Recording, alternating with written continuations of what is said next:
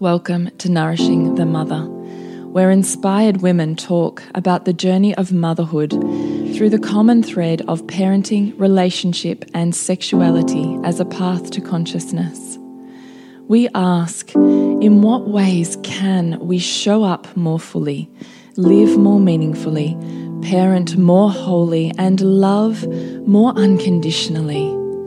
How can we mine the wisdom from the experiences of our lives and expand into those challenges? If you are here, you care about paving a path of conscious and intentional motherhood, connected with yourself and your gifts, and also illuminating your children in theirs, so we may raise more whole humans who can impact this world in a more humane way. And if you feel like giving a little back to this free content, please become a patron of the show and receive extra member benefits for less than a coffee a month. Or you can leave a review on iTunes and Facebook, all of which helps the podcast keep going and reach more mamas who need this type of tonic for the soul. Head on over to patreon.com forward slash NTM podcast to find out more. We are Julie Tenner and Bridget Wood, and we are so grateful you're here.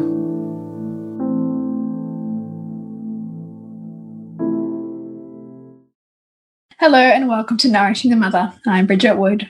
And I'm Julie Tenner. And today's podcast is bringing play into your parenting. So, Bridgie and I really hope with this to give you an overview, if you've not heard of it before, of what it might be, look like, how it can add to expand and even make easier the rule.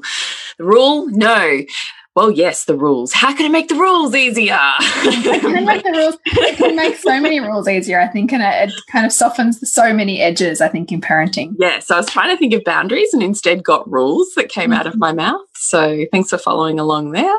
Mm -hmm. It's late at night here, so we'll just keep going. And if you're already familiar with playful parenting, we hope to perhaps give you a few anecdotal stories or perhaps some ideas. And sometimes it's just lovely to have a refresher and a reminder because don't we all need that? Mm. doesn't need to feel refreshed and sometimes just reminded in what can sometimes feel like a sludgy slog as you just keep moving day after day. So we mm. hope that's reinvigorating for you if you're already familiar and that it's revelationary for you if you're not. So before we do that, please scroll on down on the nourishingthemotherwebsite.com.au and sign up to join our newsletter. Once every so often, every few weeks, we will shoot you off an email that has links to everything that's going on and we're putting out in the world so you don't miss a beat and you can pick and choose where you dive deeper. Mm. So to join our community, please drop in your email at nourishingthemother.com.au. Beautiful. So, why play? I think that play as a form of parenting is powerful because if you consider that nine out of 10 times we can directly address the biggest challenges with our children when we meet them with connection. And that most of the time, when children's connection needs are met, that in itself um, means that a lot of behavioral challenges can can kind of sort themselves out when kids are feeling connected to us and connected to themselves. And play is the is the language of childhood. And when we consider the kinds of play that we're going to talk about in this podcast, we're considering play not simply just playing on the floor like with our child, but play almost as a form of um, a therapeutic modality in a way of parenting our child so that they feel seen, heard, connected to, and are able to release um, tension, um, activation in the nervous system, feelings that are stored from their day in relationship with us in safety. And from that place, they feel filled up and able to um, often more likely to cooperate, you know, and to essentially move to the next kind of transition point, or you know, whether that's going somewhere, whether that's cooperating to get dressed, whether that's bedtime, whatever it is. And so, you and I over the years um, have integrated a lot of this just into our day to day parenting, and so we thought now's a good time to to kind of put a little pin in it and and chat around it would you say, Jules? Well, I think particularly as we come into the festive period. Now, you and I spoke about this, probably it was this time last year, but it's part of why we do our Advent, our Kids Kindness Advent Collective, because we fully recognize that this part of life where school starts to finish, we're not quite sure what's happening with next year yet for some little people. Mm. It's, oh my gosh, presents, what am I getting? All the parties, people. I mean, of course, COVID might have changed that, might not. Again, more instability. And so the frenzy that can become a child's nervous system can send mm-hmm. them really spiraling.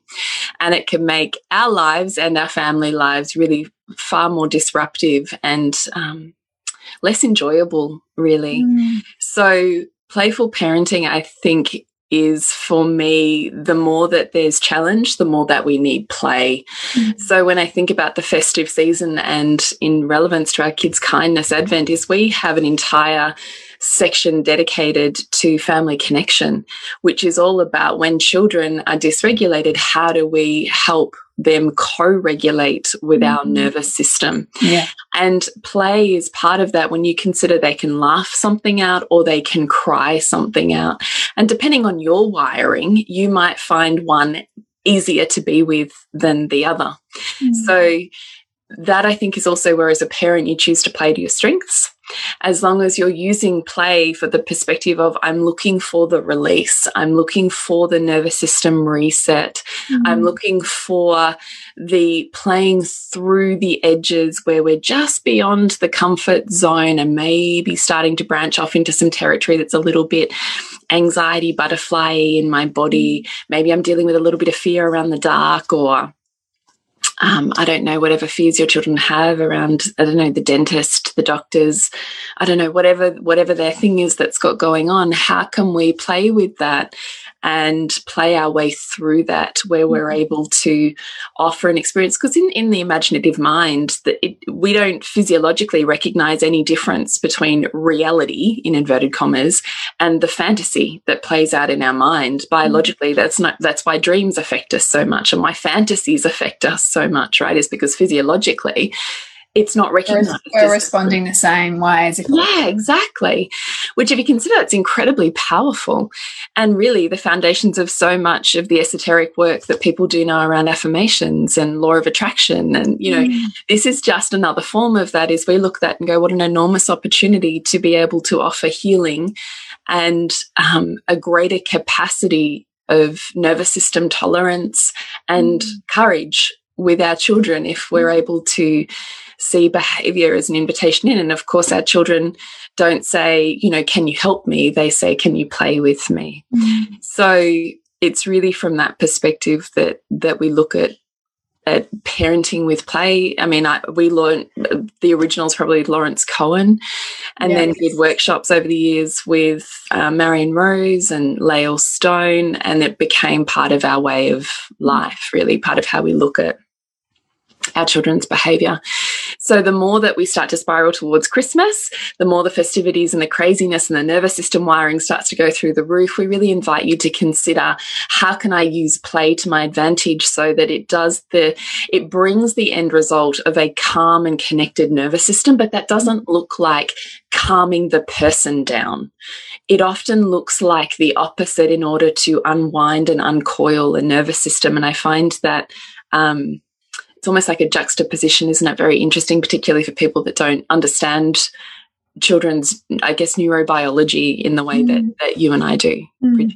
And yeah, and I think also what can tend to happen at this time of year is because parents are beginning to feel anxious or more stressed or overwhelmed because of you know, like the, the, the stuff and the potentially financial stress, particularly this year, that, that there's more of a desire often to control children as a way to separate the feelings that they bring up in us from what we have to feel.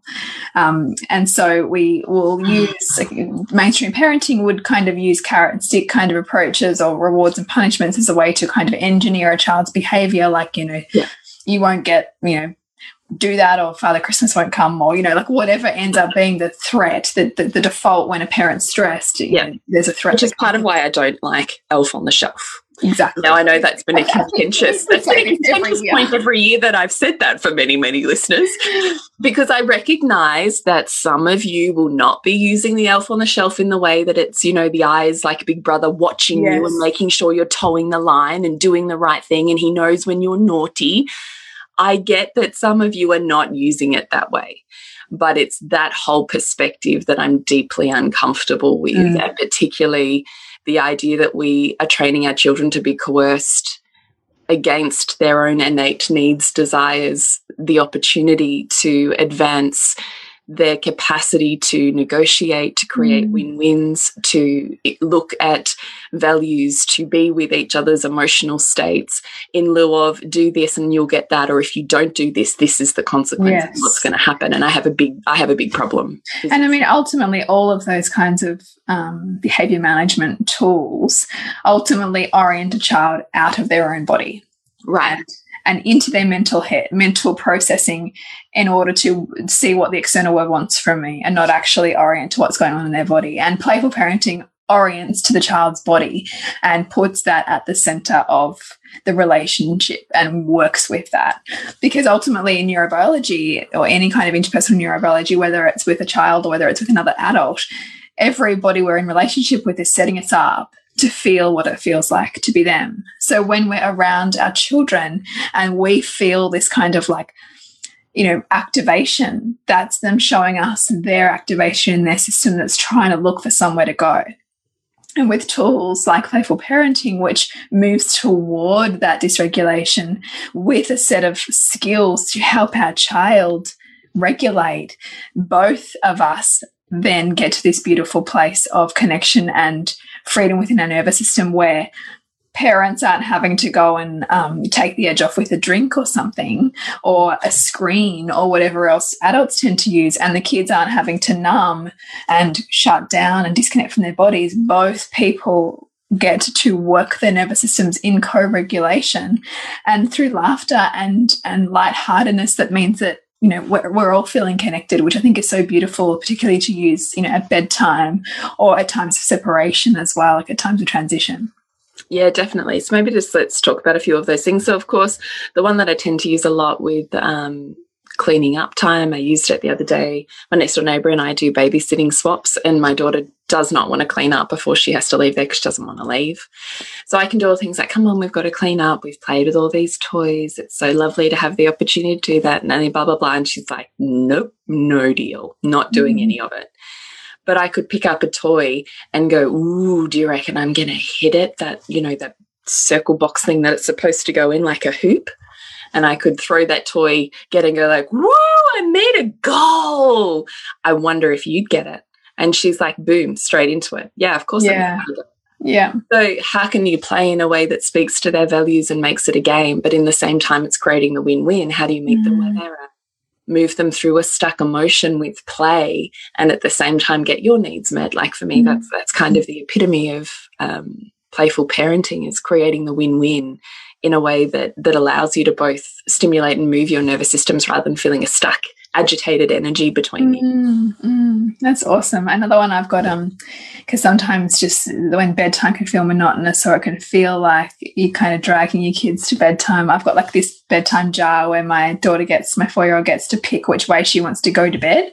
So like one's a magic carpet, one's a horsey ride, like, and it's like a lucky dip, like whichever one she picks out. So then it creates that excitement for the transition as opposed to, oh no, I'm being made to go to bed. That's so cool. Yeah, I really like that one. Yeah. Um, I'm trying to think what else. You've done like toothbrush ones or something, haven't you? Yeah, toothbrush ones. That that was actually one of um, the ones from from. It was kind of a, I adapted it from one that Marion Rose had in her attachment play course, which was um, Sylvie just loved it when I would try to find all the Halloween monsters in her teeth. Like, you know, so we'd talk about like, oh. you know, the Halloween lollies and, you know, it's important to brush your teeth. And so now she's like, are all the Halloween monsters gone? Like, you know, so she'll brush her teeth and like oh. get me to have a look in her mouth. Because that can be a really big um, challenging point for a lot of parents is the toothbrushing and getting our kids to be willing to brush their teeth. And so um, I do a lot of play around teeth brushing. Um, so that because I'm big on body autonomy as well, I don't want to force um, mm. those things. And so that's why play can be beautiful because so often, like nine out of 10 times, the thing that is hard and obstructive and the child's resistant, as soon as you enter it with play, it's complete open up, complete like willingness um, to like even like nappy changes and things like that. Um, which which has been a big one at night time with my four year old who's still in a night nappy and she was going through a stage of not wanting to put it on at all and it was part of also she knows that that means it's bedtime you know that that's the, the last thing and so what I would do, and I'd, I'd, have to kind of manage my own activation because I could feel the, the edge of me feeling frustrated, right? Like, because I'm tired, it's the end of the day, I just want you to get your nappy on. But it's me managing that activation within me and going, oh no, I have a choice here. What can I do? And so I, it's nonsense play. So I'm like, oh, your nappy doesn't go there. Where's it go? Oh, I know where it goes. And I'm really convinced that it goes on her knee. And then she tells me, no, no, that's not where it goes. And then I'm really convinced it goes on her elbow. And she's like, no, no, no, that's not where it goes. And then I'm convinced, oh, I know. Why do I keep getting it wrong? Let me try it. This is, I'm sure I'm going to get it right this time. You know, and I'll put it on her head. And then eventually she then tells me where it goes. And she's then 100% cooperative. Then we put it on properly and she's done. And, you know, what could have been really tension and, and like messy at bedtime was just something that was total willingness, right?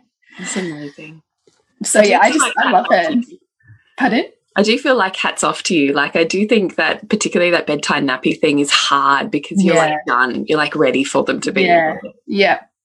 And I think too, it's just simply having a toolkit of like things that you've just know you've got in your bag of tricks. And it's just like, what can I pull out right now? You know? And it's practice, I think. And and it's overriding um these pro, you know programmed responses from our own upbringing that say well they should just do this and they need to learn the you know like kids need, need to learn the xyz right? And, and you shouldn't have to play because they should just know when actually like the play is is deeply purposeful for the child. Doesn't actually matter whatever agenda you have as an adult. Ultimately you want the child to feel empowered and willing to do whatever it is we're asking them to do. And so I think play is a beautiful way to achieve that because that's their language. Mm, mm. We used to do a bedtime one when my kids were little called um, Deer Hunters. I think I've said this before. You have, yeah. We have an older podcast called um, the Playful Parenting Masterclass, I think. We did. I think we did a couple on that. Maybe. Yeah, yeah. So that was always when my, particularly my eldest two, particularly for my son, it was always really important to have some sort of wrestle time before bed. So our bedtime always, I learned early on, was needed to ramp up the energy in order for them to crash out easily. If I tried to keep it calm and settled and the energy low, no one would go to bed. So I always knew, I mean, we always um, have dinner early. So we have dinner at 5, 5.30, so that by 6 o'clock we're doing some sort of play. And by 6.30, everyone's in pajamas ready for bed. And then it's pretty much there's a person per half hour from there on in my house. So 7, 7.30, 8, 8.30, and then all of mine are in bed. And um, having it all ready by 6.30 makes that easy. But what makes that easy is that at six o'clock, I know it's it's playtime, whatever that looks like. And sometimes, like tonight, that's going to look like playing as we clean up the kitchen together because everybody is happy. My two daughters wanted to do like a love ceremony. So they were out there um, telling their dad how to be and what he had to do. And they were picking all of these roses. We have these beautiful roses, all these rose petals, putting thing, and then squealing with laughter when they when they called me out ready to have this surprise and they would scatter rose petals everywhere and like you know Nick and I like mortified. We're like oh my god this is so cringy. And they're giggling and giggling and they think it's the funniest thing and every time they throw rose petals at me it's hilarious. You know and I think so that was their play. And then that looked like cooperation of can you just grab those Barbies off the floor and pop them away? Lozzie, you're on dishes tonight. I'm going to go put Gwen to bed. Bang, done. Yeah. But unless they've got that part of connection, it's pretty hard to ask them to cooperate. Mm. I think. As kids get older, I think play exists still, but it looks really different. So instead of being, um, how can I create a fantasy world with you that takes you to an edge that you're trying to process or, um, it's like the breadcrumbs, isn't it? Tracing the breadcrumbs to the ecstatic laughter, you know, as opposed to that type of thing. It becomes more like, ah, how do we like repartee here? What is what does this look like? So, for instance, you and I caught up today, and I was saying to you, it's just it's not working in a house anymore. The household cleaning situation is not working anymore, and mm. we'd hash that around together today. And I was like, yeah, I'm totally ready to have that conversation. So I'd sat down at dinner tonight and just said, look, you know, this isn't working. What is this going to look like? And if we, we haven't done pocket money up until now, and my eldest is 15 or nearly 15. And, um, what would this what would this look like and so we negotiated around what it would look like and what everybody's roles would be and they were really excited and then i said okay so what would feel like a fair exchange what would have you feeling like you're really ready and wanting to do this and it's worth your time? What would have you feeling like that? And um, it was so interesting watching my daughter because just the day before she'd sat in on a conversation with my mother-in-law and I about my father being this insane like bargainer when it comes to like buying cars or something. And she applied his toolkit in that moment. Oh wow. How cool Isn't that? that genius. I was like watching it going, wow, this is fascinating to me. I said to her, so, you know, what do you think that's worth? And she's like, I don't know. What do you think it's worth? and I'm like, well, what's your baseline? And she's going, oh, no, no, no. You're the used car salesman. You're giving me your baseline first. and I was like, this is fantastic. So great. So she's doing that, and we're having this negotiation that looks exactly like the blueprint of her grandfather's essentially steps that she just listened to yesterday in a conversation. all this, all the while, my son's on his phone, looking around and go, "What are you doing?" He goes, "Hang on a minute, I am looking up the hourly wage rate for house cleaners." like, oh my god, this is genius. like you can see two completely different value systems, two completely different ways of looking at the world.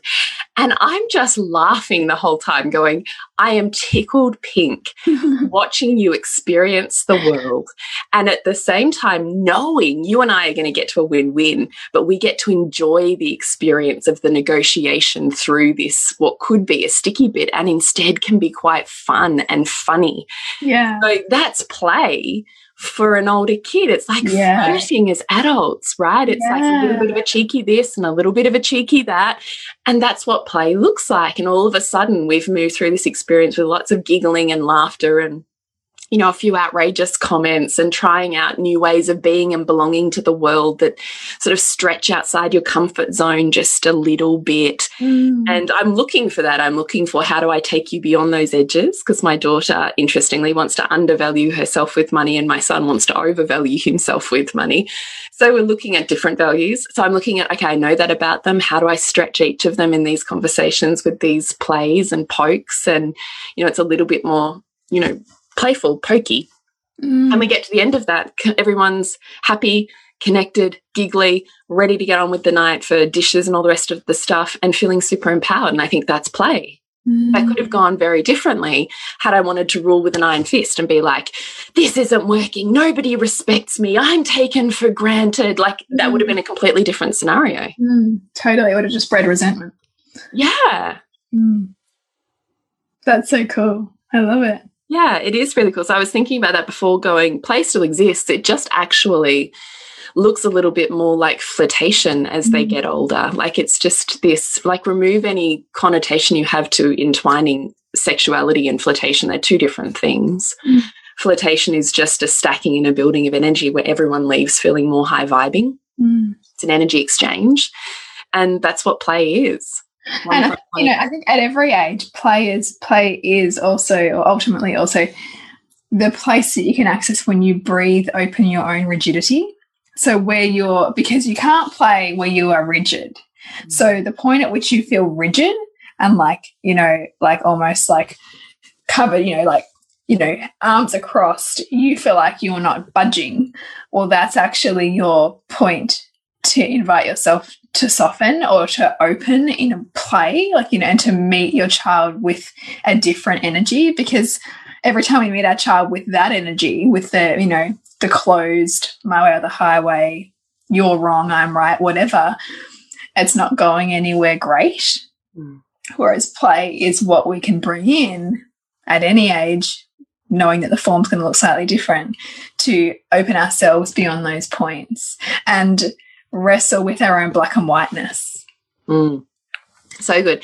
The other one that I was just reflecting on that I always look out for in playtime is if two kids are having trouble getting on together they need they need to have the war outside of them rather than the war between mm. them right as a, as a universal law so look at I know, I know me too where you're going with this I reckon I just think about it all the time and I just it becomes so clear to me now that I almost can't believe there was a time I didn't see it so I always see that clash, particularly if it's two friends or they're trying to, or two siblings and um, they're trying to integrate or work together. I think, okay, so it's my job here to offer them the thing on which they're united, they become united from. Mm. So, you know, that might be, hey, you two come pick on someone your own size. Or it might be that there's an activity that bonds them together that has them being on the same team. So whatever it is, I'm looking at what does the play look like where they have a united front or mm. goal, mm. and it might be against me, or it might be in pursuit of an end goal that that brings them together in a collaborative way. It can be a complete channel change, that kind of thing. Like if you hear them kind of bickering and like, no, you did it. No, it was your fault. No, it was your fault. And you just going, no, it was me, you know, and totally just change the dynamic up a bit. And then, then they can kind of look at you and it just change shifts it all. And then, then usually then you can have a conversation about what actually happened away from, you know, them being at each other constantly. How cool is that? Mm. I think it's super rad. Are there any last playful parenting things that you really love? Um, I think also, I think with play too, I mean, there's lots of things I love, and I'm trying to think. Um, what some more of them are.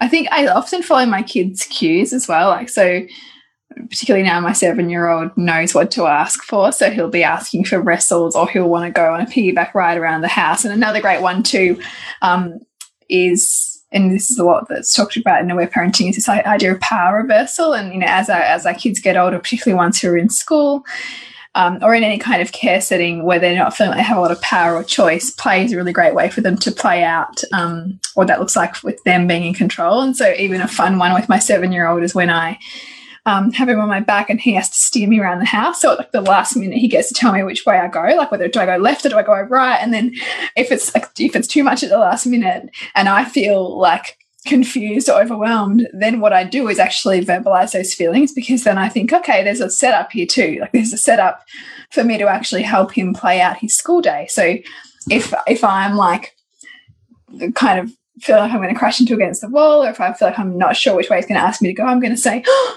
I don't know which way to go. You told me at the last minute. I was worried that I was going to go the wrong way. And then I feel like that kind of verbalization of my own internal feelings as we're playing gives um, gives voice to what he may also be needing to process from his day at school, where he may have wrestled with all of those same feelings. Because in play, again, they're setting up the perfect, um, you know, dynamic or, or kind of like um, scene for them for in which for them to play through whatever's going on for them. And then I think it's just a beautiful window into their world that we can just be, you know, in rapture with you know and i love that i love that idea that that that we can look at it in that way and it be so much more than simply just play or simply just us having an agenda but rather a way to meet our child in a um, in a way that we may otherwise not be able to access if we didn't have that awareness mm. I really love that. And I love that you said the dynamic is there because it's so true, isn't it? Like you mm. really, they set you up to feel as they feel. Yeah. Just by virtue of that, the orchestration of whatever game you're playing is in some way representative of their day or their held on to experience mm. or feelings, and how perhaps that can even shift your own mental capacity to be with it. Yeah. And, you know, being pulled forward by a different meaning. Yeah. And I think what I love about bringing this in, like you outlined before, like before bed, is it can be actually energy giving, you know, because we can often think, oh no, I'm so tired from my day and like, you know, I don't have capacity. But you know, when you can tap into the the source of what's possible through this kind of play, then we actually gain energy from it. Like we actually all get to feel good. It's not just another thing to do. But I would also say there needs to be congruency as well. Like there's going to be times where you don't have the bandwidth to play, or that you're or or that to play would be really inauthentic like so perhaps if you've got some big emotions that you're processing and you can't shift out of those then it's actually more authentic to tell your child i can't right now and that's a beautiful model for them so also don't kind of like shoot on yourself that you know, it's not about coercing your body beyond yeah. What you're actually you're not trying to move away from your body signals you're trying to move in alignment with them yes yes so we actually have um, in Soul Driven Motherhood coming up next week. We've got Shelley Clark coming um, to speak all around this topic, all around some key areas in which to um, bring play in. So, um, play through cooperation and transitions, play at bedtime, um, using play in a way um, to meet anger, but also doing it authentically because play can actually be a beautiful way to um, process anger, um, but it needs to be done with a level of awareness so that it's so that it stays in integrity with both you know you and your child. And so Shelley is who we actually had recently on the podcast um, who shared her miscarriage story. And Shelley is also a hand-in-hand -hand parenting instructor and an aware parenting instructor. So both of those paradigms of parenting have um, at their core uh, playful parenting principles. And so she's full of enormous amounts of wonderful ideas and practices and approaches for people to implement this. So we're really excited to have Shelley come and, and speak to our beautiful community in sort of a Motherhood. it's so lovely. Like I just say it again, it's so lovely just to have reminders and refreshers. Yeah. Isn't you it? Know, like I, I just don't think you can hear the basics often enough. Mm. Like mm. how many times like every day I could probably hear you know, I, I don't know. I'm trying to think of something super simple now that I hear is just just breathe. yeah, oh, yeah. Oh yeah. That reminder. I think it's the same with conscious parentings. I do think we can get too cerebral about it. Yeah. And also and because a lot of this stuff is not um, a mainstream kind of practice that you're going to see everywhere, it's important to continually kind of have your power source that you can plug in to to repower up um, you know, that practice. And so um, we hope that this this kind of this episode has been an invitation to do that, and that whether like us you have a bookshelf, you know, that you can reference, or that you have the opportunity to come into Soul Driven Motherhood and and watch and take part in Shelley's workshop, which will also be a great way to actually ask questions around your specific challenges too. So Shelley will likely have um, ideas that she can provide um, to help move through particular challenges that are coming up with your kids as well, which is just enormously helpful. Enormously helpful. And just to have a community like Soul Driven Motherhood, I'm grateful for it. I think mm. we have the mm. most beautiful conversations in there. Mm, so, and that's just $39 a month Australian. So mm. if you're really interested in, in having a support network, then that's definitely the place to find that because it's weekly workshops and just delicious group of conscious women trying to find their mm. way just like you. Mm. So you can find out more about soul driven motherhood and the workshop we have coming up at nourishingthemother.com.au, Nourishing the Mother on Facebook and Instagram. And connect with you, Bridget. SuburbanSandcastles.com. And you, Jules? Is well, I'm actually going to start changing it. So it was thepleasurenutritionist.com, but as it turns out, a lot of people have a problem spelling nutritionist. Really? Yes, it's a lot. It's like too many I's and T's, and no one can work out in what order that is supposed to go. So it is now julietenner.love. Love Love that you have a dot love. How cool is that? I don't even, sorry, I, I was like, oh my God, I'm getting that. that is so cool. I know, it is so cool. So I am going to start. So the pleasure nutritionist will still redirect to mm -hmm. that, but instead of saying it on here, I'm going to start saying you can connect with me at julietenner.love. Love it. oh, we should say before we wrap up, Kids Kindness Advent Collective we have coming up. Yes.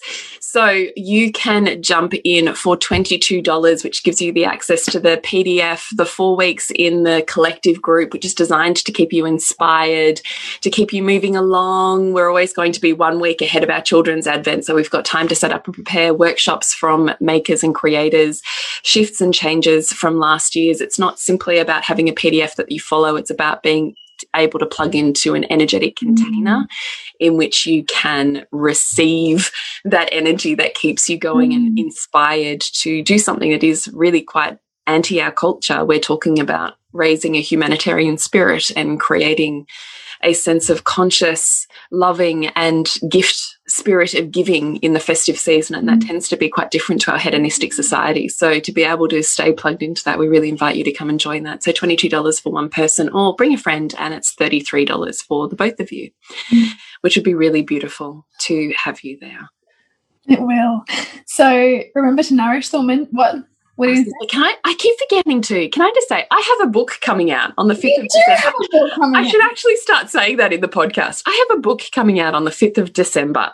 It's called Flowers and Honey: The Art of Relationship, Love and Desire. So you can get that on an ebook as a pre-order for US 99 cents and link is in both Nourishing the Mother and julietenner.love bio or you can wait till December 5 and there will be, um, you'll be able to purchase the printed book on the release date, which is December 5. So please stay tuned. I cannot wait to have that book in my hands.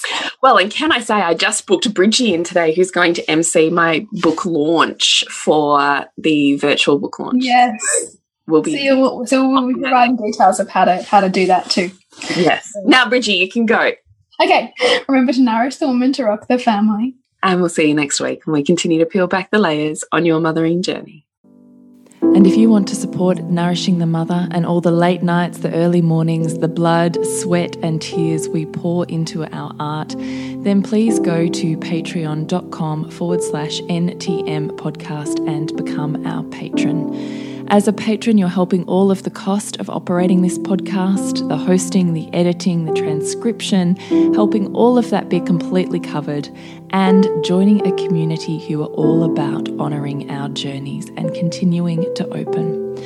The more support we have, the longer we can last. So become a patron. We'd love to have you. Go to patreon.com forward slash NTM podcast. We literally couldn't do this without you. Thank you so much for listening, and please share this podcast with anyone you think it would be medicine for.